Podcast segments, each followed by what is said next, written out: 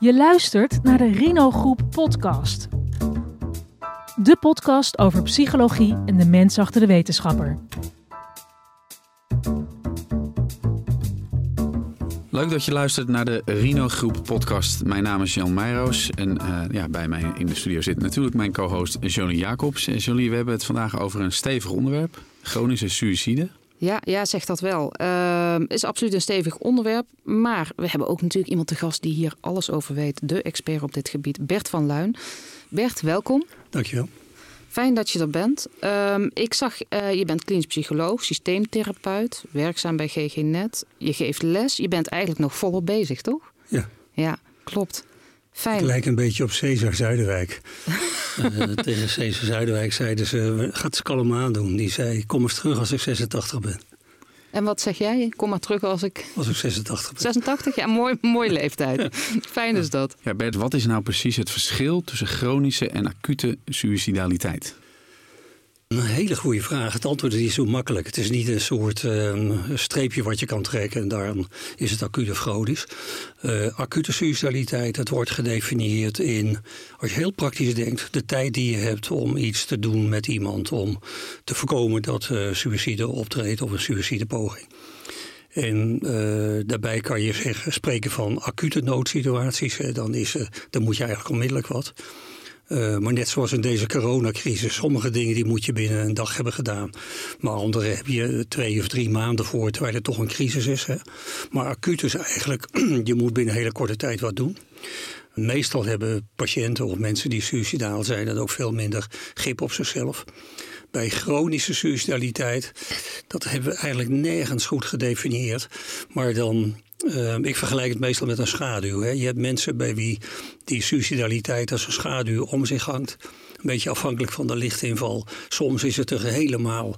En soms weet je dat het weg is, maar die schaduw is er altijd. Het sluimert dus, als het ware. Het sluimert en dat kan uh, makkelijk 10, 20, 30 jaar in je leven zijn. En bij, bij acuut denk ik ook aan mensen die bijvoorbeeld... Uh, ja, het is misschien niet helemaal het beste voorbeeld, maar tijdens de, de beroemde beurskracht in de vorige eeuw waren mensen die opeens hun fortuin hadden verloren, die sprongen opeens van de Chrysler-gebouw in New York af. Moet ik daar dan ook aan denken of is dat iets heel anders? Uh, nou, acuut Kijk, wat jij benoemt, hè, dat is eigenlijk een situatie die voor deze mensen heel erg traumatisch was. Je kan afvragen of dat echt zo is. Hè. Misschien was die armoede die ze opeens waren, hadden de grootste rijkdom die ze ooit kenden. Maar goed, dat weet je niet. Maar acuut is vooral een gedefinieerd in termen van dat er op hele korte termijn wat moet gebeuren. Ja. Waardoor het ook komt. Dus als je denkt over aanleidingen, die beurscrash, dat zijn natuurlijk hele grote dingen. Als je kijkt naar uh, uitlokkende factoren, hè, want dat is wel een heel bekend begrip, dan is dat soms één ding, maar veel vaker is het een serie van dingen. Dus een patiënt van mij had een hele mooie metafoor.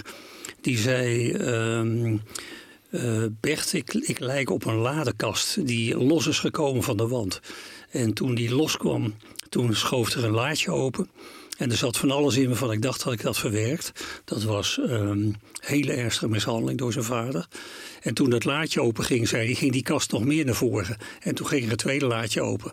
En daar kwam het misbruik door de vriend van zijn vader uit.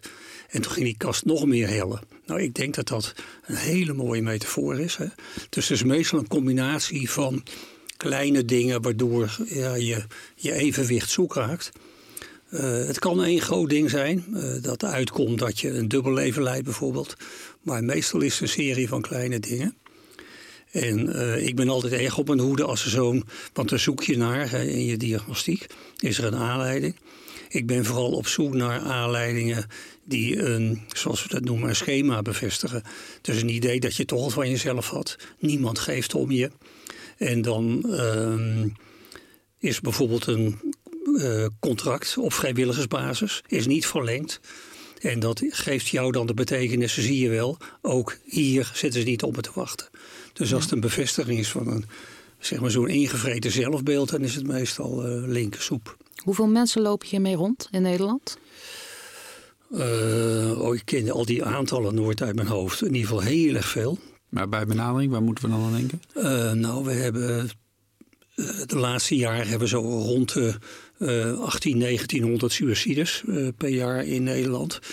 Maar het aantal pogingen en het aantal mensen dat uh, denkt over suïcide is tientallen malen groter. Dat is echt veel groter. Ja. En, en wat zit er dan achter die pogingen? Um, ja, er kan van alles achter zitten. Het is, meestal is het een combinatie van wat we noemen kwetsbaarheid. Dus uh, een van de, dat weten we uit onderzoek, een van de belangrijke bronnen voor kwetsbaarheid, dat is, um, dat heet mooi in het Engels, childhood adversity. Dus tegenspoed op jonge leeftijd. Een soort vroeg trauma, zeg maar. Ja, ja. En dan vaak toch wel trauma uh, door mensen bij wie je eigenlijk veilig moet voelen. Ja, dus wat gebeurt er als je bijvoorbeeld als je. Ik ben verantwoordelijk voor een deeltijd voor suicidale mensen. Um, daar is een jonge vrouw die is misbruikt door haar biologische vader. Vanaf geloof ik zeven jaar, toen zij zeven jaar was. Nou, dan wat er gebeurt als, als dat uh, plaatsvindt, hè, dan doet dat iets met uh, jezelf, met een hoofdletter in jezelf. Dus meestal betekent dat je het uh, jezelf überhaupt niet tot ontwikkeling komt dat je zelfwaarde uh, ongekend laag is. je bent als snot behandeld. Mhm. Dus je gaat denken dat je snot bent. Je vertrouwen in andere mensen, dat raak je volledig kwijt. Dus als er dan later iets lulligs gebeurt in je leven, uh, waarbij je heel weinig bagage hebt om dat zelf emotioneel aan te kunnen, mhm. dan durf je ook nog niet eens een keer een beroep te doen op een ander. Dus het is meestal een combinatie van kwetsbaarheid. Uh, mensen die hebben de neiging uh, dat is iets wat de oude Freud altijd al riep. Om uh, later in hun leven dingen te gaan herhalen. Dus als je zo heel ongelukkig in elkaar zit, dan zie je uh, dat de, als je het zo kan noemen, de partnerkeuze van mensen, die is ongelooflijk ongelukkig. Dus ik, ik denk vaak als je iemand uit de wachtkamer haalt, zo'n misbruikte vrouw, en dan zit er een man bij die je helemaal niet kent, dan zeg je, goh, wie is deze meneer? dat is mijn nieuwe vriend. En dan denk ik vaak, we hebben je godsnaam die vandaan gehaald? En dan kennen ze elkaar drie weken en dan staat er al twee of drie auto's op hun naam. En uh, twee weken later zeggen ze dat ze samen een kindje willen, want ze zijn zo gelukkig. En dan, dus die ellende die zet zich voort en die zet zich voort. Maar dat is dus ook een enorme rollercoaster als ik dat hoor in het leven van die mensen. Ja. Ja. En in hoeverre kunnen persoonlijke stoornissen, persoonlijkheidsstoornissen een rol spelen? Uh, een enorme rol. Ik heb heel veel moeite met het woord persoonlijkheidsstoornis. Het is de Nederlandse vertaling van disturbance, stoornis. Maar in Nederlands heeft het de connotatie van gestoord zijn. Ja. En uh, als je kijkt naar het merendeel van chronisch suicidale mensen, de context waarin ze zich ontwikkelden, die was gestoord. Als je vader die misbruikt. En om dan te zeggen dat die mensen stoornis hebben, dat, dat deugt niet. Maar het beschadigt je persoonlijkheid. Dus, Wat fijn eh, dat je dit onderscheid maakt. Want het is een gestoorde situatie waarin ze opgroeien, zeg jij. Precies, precies. Maar is het dan altijd dat vroegtrauma? En heeft dat vroegtrauma dan altijd geleid tot... Ja, ik durf bijna niemand te zeggen persoonlijkheidsstoornissen. Ik vind het nu een heel raar woord worden, maar... Ja, nou je kan ook niet zeggen altijd. Uh, ik zie natuurlijk ook... Ik zie altijd een selectie van patiënten. Hè? Dus je, je ziet alleen maar de mensen die in de GGZ komen... En daar zie ik wel bij, bij alle chronisch suicidale mensen, en dat is mhm. eigenlijk de belangrijkste groep die ik behandel. Ik ken er eigenlijk geen één zonder childhood adversity. Dus de invloed als je jarenlang bent gekleineerd of misbruikt, of als je het idee hebt gekregen, bijvoorbeeld ook bij mensen met een andere seksuele geaardheid, hè? Mhm. Uh, dat je anders zijn voortdurend werd neergezet als minder zijnde, niet bijhoren. Dat is een heel bekend begrip bij uh, suicidaliteit. Thwarted belongingness heet dat. Het is het gevoel dat je er niet bij hoort. Als dat van jaren is, dat, dat beïnvloedt echt wie je bent. Ja, maar jij noemde net als voorbeeld ook... Um, mensen komen dan ineens met een vriend op de proppen... na drie weken willen ze al een kind van diegene. Dat moet toch ook ergens vandaan komen? Ja, waar het vandaan komt is dat ze vaak echt geen enkel besef hebben van... Um, wat gewoon is, wat normaal is, wat normale relaties zijn. Ze komen niet uit normale relaties. Uh, ze hebben nooit geleerd om voor zichzelf te zorgen, want er werd niet voor hen gezorgd. Dus ze hebben geen idee. Uh, die mensen, eigenlijk gaan anderen heel vaak hun grenzen over. En waarom? Ze weten niet eens wat hun grens is. Want om te weten waar je grens ligt, mhm. moet je weten wie je zelf bent. En ze weten niet wie ze zelf zijn. Dus het is. Uh, ik denk dat. Ik heb uh, behoorlijk wat. Uh, wat moet je noemen? Commentaar of kritiek. Op hele populaire begrippen in de GGZ. bijvoorbeeld als autonomie. Zelfredzaamheid. Zelf, zelfredzaamheid. weet je. Zo nu en dan denk ik. het komt me de strot bijna niet uit. Uh, zelfredzaamheid, dat is leuk voor de grachtengordel, als ik het een beetje populair zeg. Dat is leuk voor mensen die het uh, goed hebben geschoten in het leven. Maar als je uh, een ernstige psychiatrische stoornis hebt, hè, depressieve stoornis, schizofrenie, ernstige persoonlijkheidsproblematiek, dan staat jezelf, en autonomie is zelfbeschikking, mm -hmm. staat dat zo onder druk, is het een beetje nauwelijks. Dus die begrippen van eigen regie ik vind het vaak een hele mooie manier om mensen met een kluitje in de riet te sturen. Hm. Dus uh, privacy. Ja, natuurlijk is privacy een groot goed. Maar als je, als je niet weet. Uh, het leven van heel veel van mijn patiënten is zo'n hectisch, zo'n zooi. Zoveel problemen. Armoede is groot. Ja, dan is privacy ook een luxe begrip. Dus we hebben, hebben een soort eh, VVD-psychiatrie, al een jaar of twintig lang. En wat mij betreft mag dat best veranderen. Eh, kun je dat uitleggen? Uh, dat, dat, dat, dat, er gewoon heel erg kort is op die zorg ook? Ja, het zijn hele, ja, dat. Maar ook van die neoliberale waarden. Ja. Mhm. En uh, ook declarabiliteit. Weet je wel, we, we, natuurlijk als iemand tegen mij zegt... je programma verdienen we niks aan. Of dat kost geld. Dat vind ik een serieus probleem. Ik kom uit de kleine middenstand, dus ik weet dat uh, de pijn moet roken. Maar het zijn keuzes. En alle keuzes die gemaakt zijn in de zorg over de jaren heen, die zijn niet te goede gekomen van wat we dan noemen EPA-patiënten, ernstige psychiatrische aandoening. Mhm. En juist die heb ik veel in bij die chronisch suicidale mensen. Kun je ons een inkijkje geven in hoe het leven van die mensen eruit ziet? Dus bijvoorbeeld, waar staan ze ergens op de maatschappelijke ladder? Ja, onderaan. Uh, dus dan heb ik het over de, vooral de groep EPA-patiënten. Ja? En dat is de groep binnen die EPA, waar ik het meest mee werk. Dat zijn met uh, mensen met EPA-persoonlijkheidsproblematiek. En die hebben zelden werk. Want ze zitten zo ingewikkeld in elkaar dat ze ruzie krijgen met iedereen, dus ook met hun collega of met de baas. Ehm, ze hebben daardoor, ze hebben meestal. Ehm, er zitten hele intelligente mensen tussen, maar ze hebben de opleiding nooit gekregen. Dus ze hebben geen diploma's, ze komen niet aan de bak. Uh, ze kiezen relaties, wat ik al eerder zei, die vaak heel problematisch zijn. De vrouwen hè, die ik in dit verband heb, niet ongebruikelijk dat ze een stuk of twee, drie, vier partners hebben. Waarbij je denkt van nou, of dat nou de beste man voor je is, is vers 2. Van al die partners hebben ze meestal kinderen. Bijna al die kinderen hebben ontwikkelingsstoornissen. Autisme, ADHD. Ze weten niet wat een fatsoenlijke relatie is. Uh, überhaupt wat, wat wij fatsoen noemen. Hè? Mhm. uh, hoe je met elkaar omgaat. Uh, maar is dit dan een buitencategorie mensen? Of... Ja. Nou, ja, maar ja, je zei net wel dat het gewoon veel voorkomt, chronische ja. suïcide in Nederland. Ja. Dus dan denk ik, ja, hoe, hoe buitengewoon is die populatie eigenlijk al? Ja, hij, hij is buitengewoon. Ja, dus het is ook, het is een, een, uh, ook een, een, nou, een niche dat een stuk klein, vind ik. Maar het is niet een hele grote groep in de GGZ. Mm -hmm. Maar de, de, het beleid in de GGZ Ehm, weet je, uh, ook mijn eigen organisatie spreekt van de burger als patiënt. Het begin ik altijd de burger als patiënt. Oh nee, pardon, de patiënt als burger. En hoezo? Wat heeft dat ermee te maken? Ik bedoel, hij zit hier omdat hij een patiënt is. De patiënt als burger wil toch zeggen dat hem op een aantal domeinen in zijn of haar leven zetten we een beetje weg. Dan zeggen we nou, dat is het maatschappelijke veld dat het zelf moet regelen. Maar het maatschappelijke veld regelt niks voor deze mensen.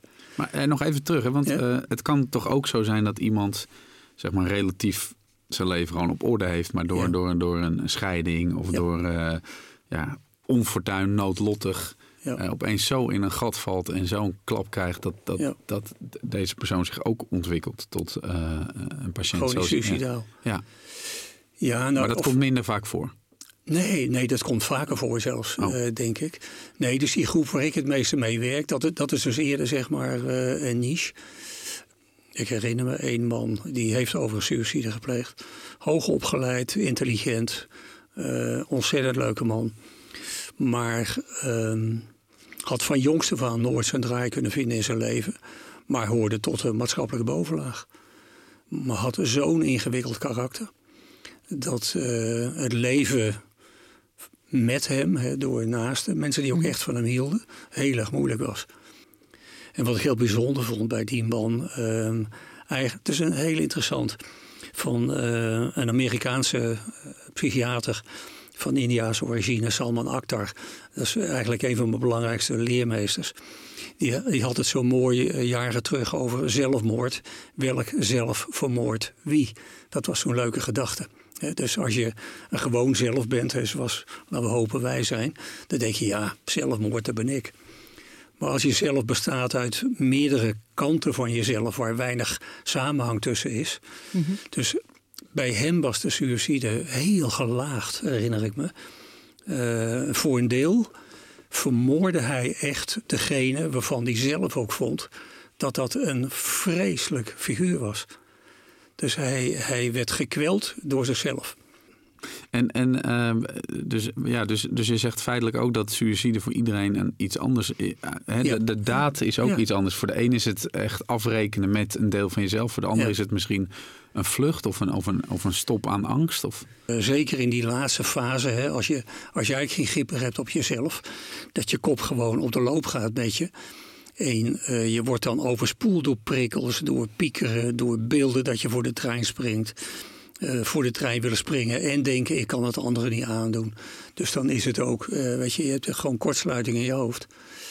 Uh, maar ik zie dus ook, hè, dus dat is een hele grote groep.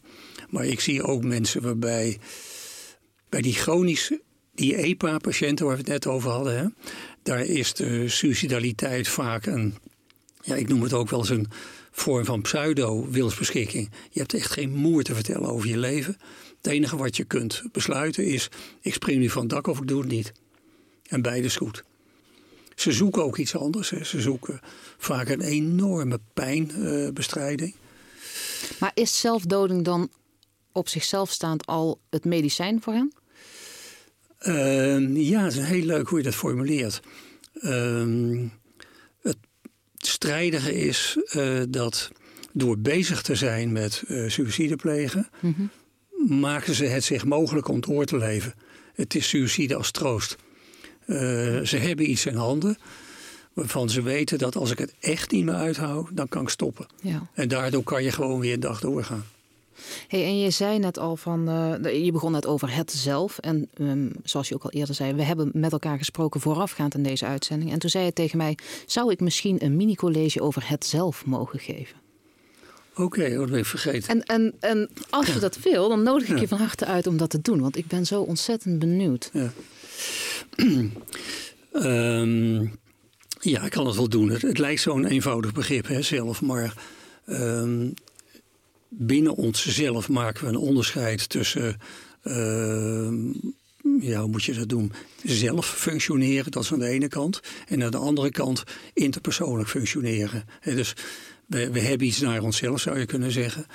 Maar mensen met persoonlijkheidsproblematiek hebben eigenlijk altijd ook problemen met een ander. Als je afhankelijk bent, dan probeer je een ander in een positie te brengen waarvoor die voor je gaat zorgen. Als je heel erg achterdochter bent, dan ga je zo gedragen dat die ander raar kijkt. En dan zeg je, zie je wel, uh, hij doet iets heel raars, hè? Hij, hij is op me uit. Dus zelf heeft altijd iets naar jezelf, maar ook naar anderen. Uh, als je kijkt naar dat gedeelte binnen jezelf, dan is een van de dingen die we naar mijn idee vaak onderschatten, dat is wat heet eigenheid. Dat is heel iets anders dan eigenwaarde. Hè. Eigenheid is het vermogen om in verschillende contexten jezelf te zijn. Dat is weten, bijvoorbeeld uh, Jolie, als ik aan jou zou vragen. Hè, uh, degene, wat, hoe oud ben je? We zijn dat omkeer. Hoe ja, nee, leuk. Ja. 42. 42. Dat vraag je niet aan een dame, toch? Nee, sorry. ja. Het mag, het mag. Ik vind het prima. En waarschijnlijk is het zo, Jolie, dat als jij 52 bent, dat die, die fundamentele eigenschappen, mm. dat die waarschijnlijk nog steeds wel hetzelfde zijn. Maar dat je misschien nog beter hebt geleerd waar je krachten liggen en dat je die ja. beter kunt. Hè? Ook als het meezit in het leven. Nou, eigenheid is kunnen vertrouwen op wie je zelf bent. Als jij in een conflict raakt, dan heb jij een soort mappenkast in je hoofd. Waarbij je, je hebt een conflict met een leidinggevende en je trekt daar een mappenkast uit die zegt: wat moet je doen als je conflict met een leidinggevende hebt? Dan zeg, hoop ik, jouw mappenkast. Ga eerst eens nadenken of die leidinggevende geen gelijk heeft, voordat je meteen gaat blazen. Twee, als je na goede reflectie vindt dat die leidinggevende ongelijk heeft, nou dan ga ik met hem praten. Maar als een leidinggevende is die je zo eruit flikkert, dan ga je eerst naar Jan om te zeggen: Jan, Risico. maak ik nou muizenissen of eh, klopt het dat hij mij net zat af te zeiken in die vergadering? Dus dat is jezelf. Nou, dat deel van het zelf, dat heet eigenheid. Dus dat is een beroep kunnen doen op wie je bent. Eh, dus jezelf als vriendje. Eh, je zit naast jezelf op de bank en je zegt: Wat heerlijk, Jolie. Wat leuk dat je ziet. Ehm, en wat fijn dat je zo betrouwbaar bent. Dat ik gisteren lullig naar je deed, maar dat je gewoon weer koffie voor me haalt. Nou, dat noemen we eigenheid. En ik denk dat bij die hele ernstige groep, Ontbreekt dat? Oh, ja, dat in ieder geval dat het wordt onderschat, de mate waarin het is. En dan Maar zijn op die- welk niveau ontbreekt dat? Weet je, het is er gewoon niet. Dus die. eh, Het heeft zich nooit kunnen ontwikkelen waarschijnlijk. het heeft zich nooit kunnen ontwikkelen. Dus eh, goede relaties stabiliseren heel erg. hè, Die zijn echt fantastisch voor je. Maar als je die niet hebt en instabiele relaties hebt, het is echt, het versterkt elkaar zo enorm. Dat zelf op de bok is er niet. De eigenwaarde is meestal eh, beneden nul. Het vermogen om emoties te reguleren, hè, dat is een heel belangrijk ding van jezelf. Dat leer je in contacten met je verzorgers. Nou, daar was meestal iets mis. Eh, je idee over wat goed en kwaad is, dat is, dat is een beetje dubieus. Dus eh, deze patiënten die kunnen op het ene moment tegen mij dingen zeggen. Die zijn echt zo, eh, hoe moet je het noemen, correct, rechtschapen, fatsoenlijk als het maar zijn kan. En dat menen zegt. Om even later iets te zeggen wat er volledig haaks op staat. En als je dan zegt, hé, maar hoe kan dit nou? Ja, nou, dat weet ik ook niet. Weet je, er is gewoon geen kleefstof. En daarnaast, hè, in dat interpersoonlijke deel, hè, dus nu had ik het allemaal over dat intrapsychische, zeg maar. In dat interpersoonlijk deel, daar missen deze mensen, en dat is echt enorm triest, eh, vertrouwen in een ander. Eh, waardoor ze eh, ook niet meer gecorrigeerd worden. Eh, Hebben ze, hebben ze wel vertrouwen in jou als ze bij jou komen? Of zijn Nee, ze ook een beetje... helemaal niet. Nee. Nee, nee, Dus, jij, dus, dus de, jij bent ook heel erg bezig met dat vertrouwen te winnen... voordat je überhaupt stappen kunt Ja. zetten. Ja, ja. En ehm, ik heb vanmorgen een gesprek gehad met één iemand bij wie dat wantrouwen enorm groot is. Die ken ik nu twee jaar. Die zie ik intensief. Dat is echt ook een, een dure patiënt, zal ik maar zeggen. En dat vertrouwen is zo broos als het maar zijn kan. Ik, ik kan hem met twee opmerkingen verspelen.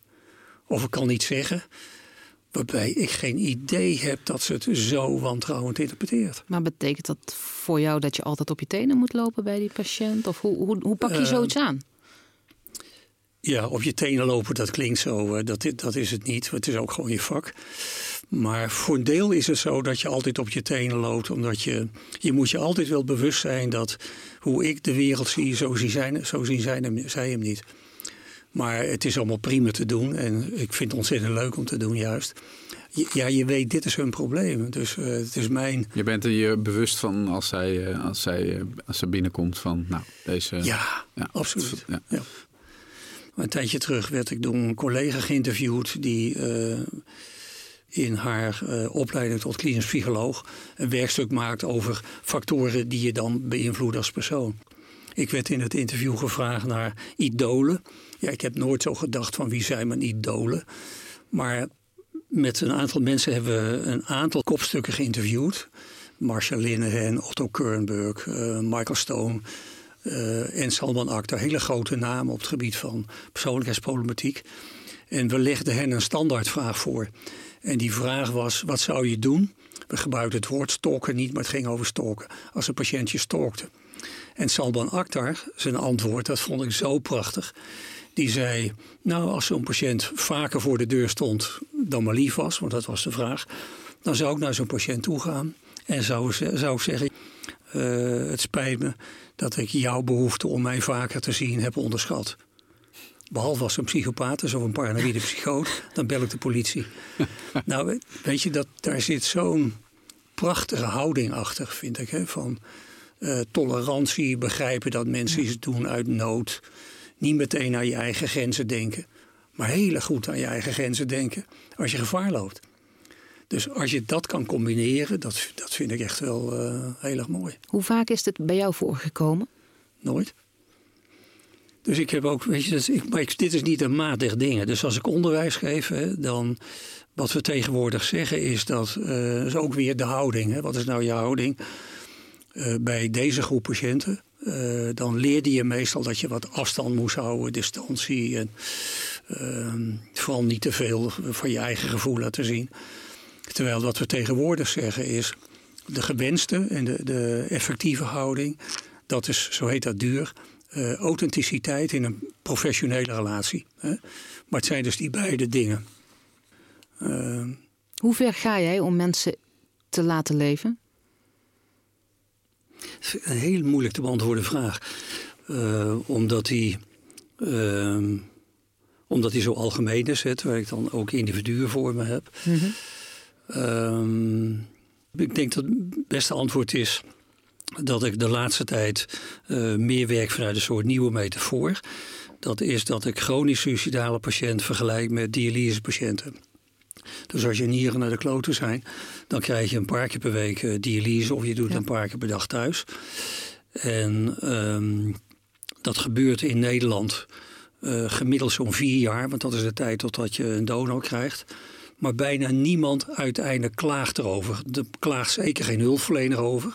En waarom doen we al die dingen uh, bij de nieren? Omdat je hoopt dat er een donor komt. Ja. Ja? Nou, mijn stelling is dat je bij chronisch suicidale mensen, als je drie meter voor gebruikt, dan ben je ook op zoek naar donoren. En wat zijn donoren? Uh, als je heel eerlijk bent, weet je dat niet als patiënt. Hè? En oh, ik ook niet. Maar ik heb wel veel dingen meegemaakt. Een donor is dat je, als ik voor een patiënt niks kan bieden, en, maar we hebben wel voor elkaar gekregen dat zij werkt bij een kinderboerderij bijvoorbeeld, dat ze daar een man tegen het lijf loopt met wie against all odds zijn relatie krijgt, wat ze nooit had gedacht. Of je zit met je ex-partners in een vechtscheiding, hoort je kinderen. Maar die kinderen worden ouder en daarmee is een bron van de vechtscheiding weg. Nou, en wat mijn stelling dan is, en dit is een, een, soort tekst die ik van een intensivist heb gejat. Ik vind dat het ontzettend veel moeite loont om dagen te plakken aan het leven, opdat er leven komt in de dagen. En uh, als iemand dood is, dan houdt het op, punt. Dus in die zin doe ik veel, omdat ik denk, waar hoop is, is kans. Maar is dat tegen elke prijs? Nee, absoluut niet. Uh, dus ik vind de leuze van 113, hè, eh, we willen niet dat mensen onbegrepen, onbehandeld en of alleen sterven. Dat mm -hmm. is ook de mijne. En uh, ik ben er ook niet op tegen om uh, met inachtneming van alle criteria... Hè, uh, ook mensen in zo'n laatste fase uh, te helpen. Ik vind dat ook een onderdeel van de GGZ. Zijn er momenten waarop jij denkt: ik voel zoveel onmacht, ik, ik loop er weg van, ik, ik weet het gewoon even niet meer? Uh, je moet altijd onderscheid maken tussen je hebt gevoelens van onmacht. Ehm, en soms krijg je die gevoelens omdat je, als het, dat is wat je als psychodynamische therapeut leert, omdat die onmachtsgevoelens vooral bij onze patiënten zitten en die, die voeden jou daarmee als het ware. Dus jij gaat die gevoelens ook voelen. Maar ik ben heel nuchter. Ik weet altijd dat ik niet onmachtig ben. Dus ik kan het wel voelen, maar ik ben het niet. Dus wat doe ik wel? Uh, dat er soms na gaan denken voor jezelf. Waarom voel ik me nou onmachtig? Ik ben me verantwoordelijk gaan voelen voor hun leven. Mm-hmm. En dat ben ik uiteindelijk niet. Mm. Dus je, je zorgt dat je weer wat distantie krijgt. Uh, en je collega's. Hè. Ik werk met een ontzettend leuk team, klein team, waarbij je die dingen samen doet. Dus je, je, ja, je verdunt je onmacht. Uh, je bent er open over, je praat erover. Uh, we hebben ook binnen die grote instelling heb je een genezen directeur. Ik, ik heb een hele prettige genezen directeur die, als je in die hele lastige situatie zit, uh, je weet dat iemand hele grote kans loopt om suïcide te plegen. En we hebben alles gedaan wat we konden. En we vinden dat we geen termen hebben om met dwang in te grijpen. Maar dan denk je, merde, die meid gaat dood. Nou, dan bel ik de geneesde directeur en dan gaan we er samen naar kijken. En eh, dan iemand die gewoon nuchter en helder met je meedenkt en de boel op een rij zet. Dat voorkomt dat je je verliest in onmacht. Ehm, wat ik mensen altijd hoop te eh, onderwijzen, is dat als het gaat om authenticiteit in een professioneel kader, dat wat ik doe, uh, ja, dat doe ik. Maar dat is niet de maat van de dingen. Kom op zeg. Dus als je uh, een 30-jarige GZ-psycholoog bent en je hebt net je tweede kindje. En een patiënt die vraagt, zou jij zelfmoord kunnen plegen? Ja, ik kan dan makkelijk tegen iemand zeggen, ja, ik vind het leven fantastisch, maar ik vind het geen plicht. Natuurlijk. Maar iemand die 30 is, die is niet bezig met de dood. Ik wel. Dus iemand die 30 is, daar is een authentiek en denk ik heel goed antwoord. Jee, uh, hier overval je me mee met die vraag. Ja. Um, God, wat, wat, wat, zou het antwoord betekenen als ik tegen jou zeg: uh, ik ben er niet mee bezig? Wat zou dat betekenen voor je? Ben ik dan niet meer gesprekpartner omdat ik geen idee heb van de wereld waarin jij leeft? Dus ik, je moet heel erg kijken naar wat bij iemand uh, in zijn ontwikkeling past, in zijn persoonlijke ontwikkeling, in zijn professionele ontwikkeling. Nou, uh, om toch uh, ja, een beetje in, in tussen haakjes in stijl af te sluiten. Als jij straks op je, op je sterfbed ligt en je denkt terug aan je werkende leven, waar, waar ben je dan het meest trots op? Aan welk moment zul je in tevredenheid terugdenken? Um, goh. Aan de combinatie van um, professionaliteit en echtheid. Dat ik, dat ik dat heel erg probeer. En dat naarmate ik ouder word. Uh, als ik nog één ding heb, is. Uh, je hebt in het werken met heel veel patiënten heb je vier relaties. Je hebt je professionele relatie. Je hebt wat ze noemen een overdrachtsrelatie. Dus een patiënt maakt van jou wat jij niet bent. Uh, een verkrachter of weet ik veel wat. Je hebt een tegenoverdrachtsrelatie. Jij maakt van een patiënt, ook wat hij niet helemaal is. Van suicidale mensen word je bang en onmachtig. Maar je hebt ook een echte relatie. En naarmate ik ouder word, is de professionele relatie met de echte relatie, Bert, die zitten heel dicht bij elkaar. En dat vind ik wel, uh, daar ben ik trots op en dat vind ik ook heel erg leuk. Maakt het werk ook heel relaxed. Dus, ja. ja. terwijl de meeste buitenstaanders jouw werk niet als relaxed zo snel zouden beoordelen. Nee, maar dat was bij. Ik, ik herinner me jouw vraag nog, Jolie. Dat vond ik zo'n bijzondere vraag. ik wist Hoe is het om de hele dag bezig te zijn met de dood? Ja. Weet je, ik, ja, ik heb wel niet het idee dat ik met de dood bezig ben. Ja, je bent de, met het leven bezig. Of de hele dag bezig met, ja. het, uh, met het leven, ja. Ja, dat en is ook plezier, zo duidelijk. Hè, gewoon, uh, het is geen lijden wat ik doe. Dus het is veel plezier. Uh, Bert, dankjewel voor je komst naar de studio. Dit was de Rino Groep podcast. Mocht je nou tijdens of na het beluisteren van deze podcast met gevoelens worstelen over zelfdoding, bel dan met 0800 0113. Je kunt ook bellen met 113 of je kunt naar de website 113.nl. Je kunt ook luisteren naar onze aflevering met emeritus hoogleraar klinische psychologie Ad Kerkhoff over acute suicidaliteit, effectieve behandelmethoden, suicidaliteit onder jongeren en die ons een mini-college gaf over intrusies.